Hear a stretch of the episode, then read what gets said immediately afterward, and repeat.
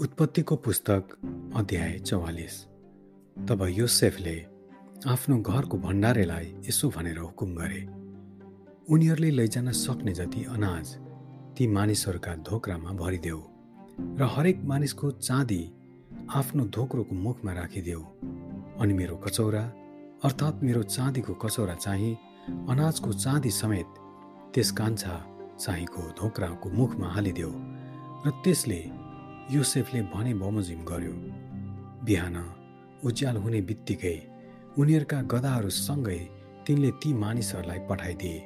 उनीहरू सहरबाट अलिक पर पुगेपछि योसेफले आफ्नो भण्डारेलाई भने झट्टै ती मानिसहरूका पछि पछि जाऊ र उनीहरूलाई भेटाएपछि यसो भन्नु तिमीहरूले किन भलोको बदला खराबी गर्यो? यदि कचौरा होइन जसबाट मेरा मालिक पिउनुहुन्छ र जसद्वारा उहाँलाई सकुन अपसकुन पनि हुन्छ। यो त तिमीहरूले खराब काम गर्यो। त्यसले तिनीहरूलाई भेटाएपछि उनीहरूसँग त्यही कुरा गरे। उनीहरूले त्यसलाई भने हजुर किन यस्तो कुरा गर्नुहुन्छ? यस्तो काम हजुरका दासहरूबाट दूर रहोस्। हेर्नुहोस् हाम्रा धोक्राका मुखमा हामीले भेटाएको चाँदी त हामीले कनान देशबाट फिर्ता ल्यायौँ। भने हामी कसैले हामीले हजुरका मालिकको महलबाट चाँदी अथवा सुनचोरी गर्थ्यौँ र हजुरका दासहरूमध्ये जससँग त्यो फेला पर्छ त्यो मरिजाओस्। अनि हामी पनि हजुरका कमारा हुनेछौँ। त्यसले भन्यो तिमीहरूले भने जस्तै होस् त। जससँग त्यो फेला पार्यो त्यो मेरो कमारा हुनेछ। बाँकी चाहिँ निर्दोष ठहरिनेछन् तर हरेकले हतपत गरी आआफ्नो धोक्रो भुइँमा झारेर फुकाले। अनि भण्डारेले जेठादेखि लिएर कान्छासम्मको तलासी लियो र त्यो कचौरा बेन्यामिनको धोक्रामा फेला पर्यो। तब उनीहरूले आफ्ना लुगा च्याते र गदा लदाएर सहरतिर फर्के। यहुदा र उनका दाजुभाइहरू योसेफको घरमा आइपुग्दा तिनी त्यहीँ थिए र उनीहरूले तिनको सामु लम्पसार परेर प्रणाम गरे। योसेफले उनीहरूलाई भने तिमीहरूले यस्तो के काम गर्यो? म जस्तो मानिससँग अन्तर्ज्ञान छ भने के तिमीहरूलाई थाहा थिएन? यहुदाले भने हामी हजुरलाई के भनौँ?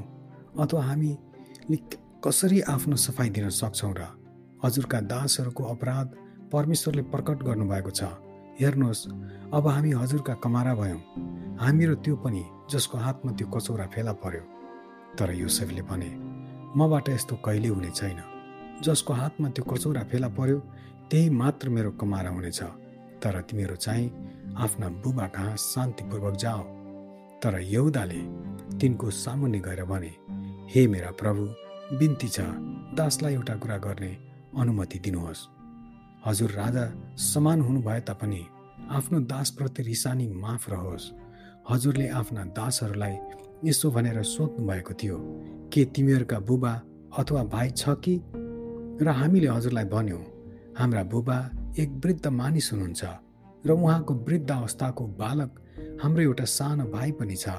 त्यसका दाजु मरिसके र आफ्नी आमापट्टिको अब त्यो मात्र छ र त्यसका बुबाले त्यसलाई खुबै माया गर्नुहुन्छ। तब हजुरले आफ्ना दासहरूलाई भन्नुभयो त्यसलाई यहाँ म कहाँ ल्याऊ? र म त्यसलाई हेर्छु। हामीले हजुरलाई भन्यौँ त्यस केटाले आफ्ना बुबालाई छोड्न सक्दैन किनकि यदि त्यसले आफ्ना बुबालाई छोड्नु पर्यो भने त्यसका बुबा चाहिँ मरिजानुहुन्छ। तर हजुरले आफ्ना दासहरूलाई भन्नुभयो तिमीहरूको कान्छो भाइ तिमीहरूसँग आएन भने तिमीहरू मेरो सामु आउन पाउने छैनौ। तब हामी हाम्रा बुबा हजुरका दास कहाँ गयौँ? अनि उहाँलाई हजुरका कुरा सुनायौँ। जब हाम्रा बुबाले फेरि गएर अलिक अलि अनाज किन किन्नु भन्नुभयो तब हामीले उहाँलाई भन्यौँ हामी जान सक्दैनौँ। यदि हाम्रो कान्छो भाइ हामीसित जाने हो भने मात्र हामी जान्छौँ। किनकि हाम्रो कान्छो भाइ हामीसित गएन भने त हामी ती मानिसको सामु जान पाउने छैनौँ।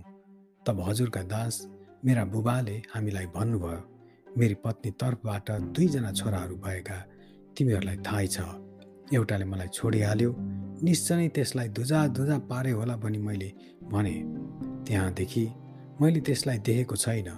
यसलाई पनि तिमीहरूले मबाट लगेर यदि केही खतरा त्यसमाथि आइपर्यो भने तिमीहरूले मेरो यो फुलेको कपाल अफसोसमै चिहानमा पुर्याउनेछौ यसकारण हजुरका दास हाम्रा बुबा कहाँ पुग्दा त्यो केटो हामीसँग भएन भने त उहाँको प्राण त्यही केटाको प्राणसँग गाँसिएको हुनाले हाम्रा साथमा त्यो नभएको देख्ने बित्तिकै उहाँको मृत्यु हुनेछ।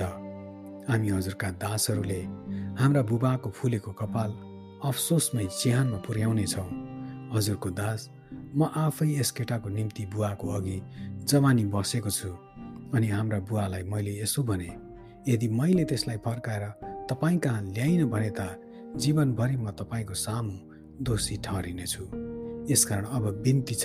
यस केटाको सट्टामा म हजुरको दासलाई नै हजुरले आफ्नो कमारा तुल्याउनुहोस् र यस केटाले चाहिँ यसका हज दाजुहरूसँग जान पाओस् किनकि यो केटो मेरो साथमा छैन भने मेरो बुवाका म कसरी जानु? मेरो बुवामाथि आइपर्ने विपत्ति म हेर्न सक्दिनँ आमेन।